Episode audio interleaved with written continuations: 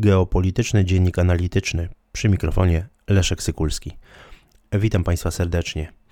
Dziś, 7 grudnia, odbył się wirtualny szczyt, wideokonferencja między prezydentem Stanów Zjednoczonych Joe Bidenem i prezydentem Federacji Rosyjskiej Władimirem Putinem.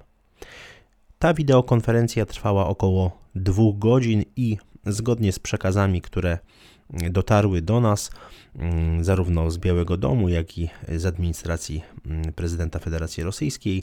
Mm, wiemy, że dotyczyły nie tylko kwestii stosunków rosyjsko-ukraińskich, ale także cyberbezpieczeństwa i stabilności strategicznej w Eurazji.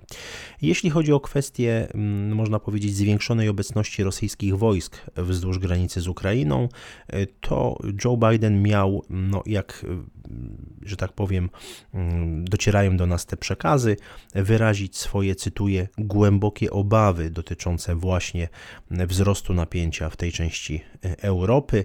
No i jak przekazał doradca do spraw bezpieczeństwa narodowego amerykańskiego prezydenta Jake Sullivan, prezydent Biden miał wezwać Władimira Putina do podjęcia deeskalacji i działań dyplomatycznych, które załagodziłyby właśnie napięcie w relacjach rosyjsko rosyjsko-ukraińskich. I oczywiście tutaj warto także podkreślić, że mm, Sullivan przekazał, iż mm, amerykański prezydent ostrzegł mm, lokatora Kremla, że jeśli e, dojdzie do eskalacji konfliktu, ewentualnie po prostu inwazji rosyjskiej na Ukrainę, to wówczas zostaną podjęte, no, e, można powiedzieć, takie sankcje ekonomiczne, nowe sankcje ekonomiczne, których dotychczas Stany Zjednoczone nie stosowały, których nie zrobiły od roku 2014. To, co jest y, oczywiście bardzo istotne wokół tego y, spotkania, to fakt, że wczoraj, 6 grudnia, prezydent y, Biden telefonicznie skonsultował się z przywódcami Niemiec, Francji, Wielkiej Brytanii i Włoch. Rozmawiał z kanclerz mm, Niemiec Angelą Merkel, prezydentem Emmanuelem Macronem, e, premierem Borysem e, Johnsonem i e, premierem Włoch Mario Dragim. Dziś również po zakończeniu, mm, po zakończeniu właśnie tej rozmowy z Władimirem Putinem skonsultował się ponownie z tymi czterema przywódcami. Co warte podkreślenia, ani wczoraj, ani dziś prezydent e, Joe Biden e, nie odbył rozmowy z prezydentem Ukrainy Wołodymyrem Zełenskim. I jak podał Jake Sullivan, prezydent Biden ma zadzwonić do prezydenta Ukrainy dopiero w czwartek. No, tutaj widać, że Ukraina stała się przedmiotem rozmów, przedmiotem targów między mocarstwami, co zresztą, o czym zresztą mówiłem także, mm, mówiłem także wczoraj w kontekście ujawnionego dokumentu z ambasady Niemiec w Stanach Zjednoczonych i widać w jaki sposób y, dzisiaj kształtuje się nowy ład międzynarodowy. Myślę, że ta sytuacja i to napięcie na granicy ukraińsko-rosyjskiej pokazuje, w którą stronę zmierza ład międzynarodowy, który odchodzi od ładu jednobiegunowego i to już w sposób, no można powiedzieć, taki bardzo stanowczy e, i kształtuje się ład dwubiegunowy, świat policentryczny e, i, i krótko mówiąc nowy koncert nowy koncert mocarstw. W tym kontekście warto także sobie zadać pytanie, czy Polska mm, jako no, istotny, y, można powiedzieć, y, także mm, uczestnik stosunków międzynarodowych w tej części y, Europy została w ogóle poproszona o konsultacje przez Stany Zjednoczone. Wiemy, że ani wczoraj, ani dziś takich konsultacji z władzami Polski Stany Zjednoczone nie przeprowadziły. To również pokazuje, jak zaczyna być Warszawa marginalizowana w tych, można powiedzieć, procesach geostrategicznych, w tej wielkiej e, polityce, czego zresztą dobrym przykładem były rozmowy chociażby Angeli Merkel z Władimirem Putinem, czy władz francuskich e, z władzami rosyjskimi o sytuacji na granicy polsko-białoruskiej. Widać bardzo mocno, że i Paryż, i Berlin właściwie uznały Białoruś za strefę wpływów Moskwy. Z informacji, które do nas docierają po, mm, tym, y, po tej wideokonferencji Bidena i Putina, widać, że nie doszło do żadnych konkretnych ustaleń. Właściwie te głębokie obawy, które wyraził prezydent, mm, prezydent Stanów Zjednoczonych, są pewną figurą, można powiedzieć, retoryczną, pewną mm, taką kalką dyplomatyczną powielaną, e, ilekroć no właściwie żadne konkretne rzeczy nie zapadają, żadne konkretne ustalenia nie zapadają. Natomiast niedługo po zakończeniu tej e, wideokonferencji mm, został e, ujawniony dokument e, dotyczący budżetu obronnego Stanów Zjednoczonych na rok 2020 drugi, ponad 600 stron mm, tego, mm, tego dokumentu i co bardzo istotne, mm, znajdują się tam zapisy, które no, wskazują, że Stany Zjednoczone zaczynają no, prowadzić politykę, można powiedzieć taką, no, nie chcę powiedzieć bardzo uległą wobec Federacji Rosyjskiej, ale jednak wykazują się bardzo dużym zrozumieniem wobec e, interesów Moskwy.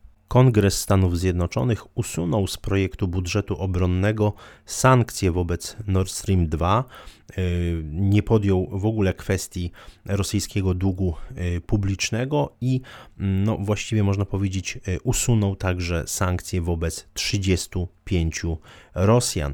I co jeszcze raz podkreślam, co istotne, ogłoszenie tego projektu budżetu obronnego na rok 2022 y, nadeszło zaraz po rozmowie Biden Putin.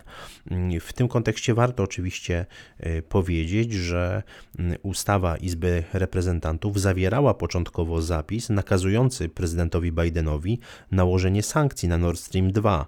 Natomiast już poprawka Senatu nie zawierała podobnego e, przepisu i no, ostatecznie ten projekt nie zawiera tych sankcji na Nord Stream 2, a został ogłoszony tuż po właśnie tym wirtualnym szczycie Biden, e, Biden-Putin.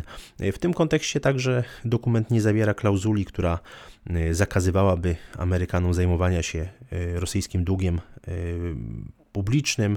No, tutaj e, widać także, że zostały zniesione sankcje wobec 35 e, Rosjan, wpływowych, można powiedzieć, figur życia publicznego z otoczenia Władimira Putina, w tym premiera Michaiła Miszustina, czy e, sekretarza prasowego Dmitrija Pieskowa, czy biznesmenów takich jak Roman Abramowicz, czy Alisher Usmanow.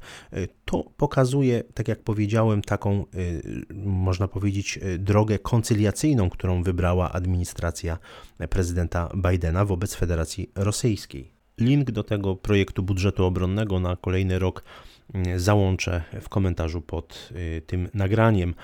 Widać, że Rosja stara się przede wszystkim, wzywając do ustanowienia no, nowego traktatu o bezpieczeństwie w Europie, stara się wymóc na Stanach Zjednoczonych e, ukształtowanie się, mm, można powiedzieć, e, nowej e, sytuacji geostrategicznej w tej części Europy, odwołując się do bardzo takich, można powiedzieć, pragmatycznych argumentów i począwszy od kwestii cyberbezpieczeństwa, a na, mm, można powiedzieć, negocjacjach jądrowych z Iranem skończywszy.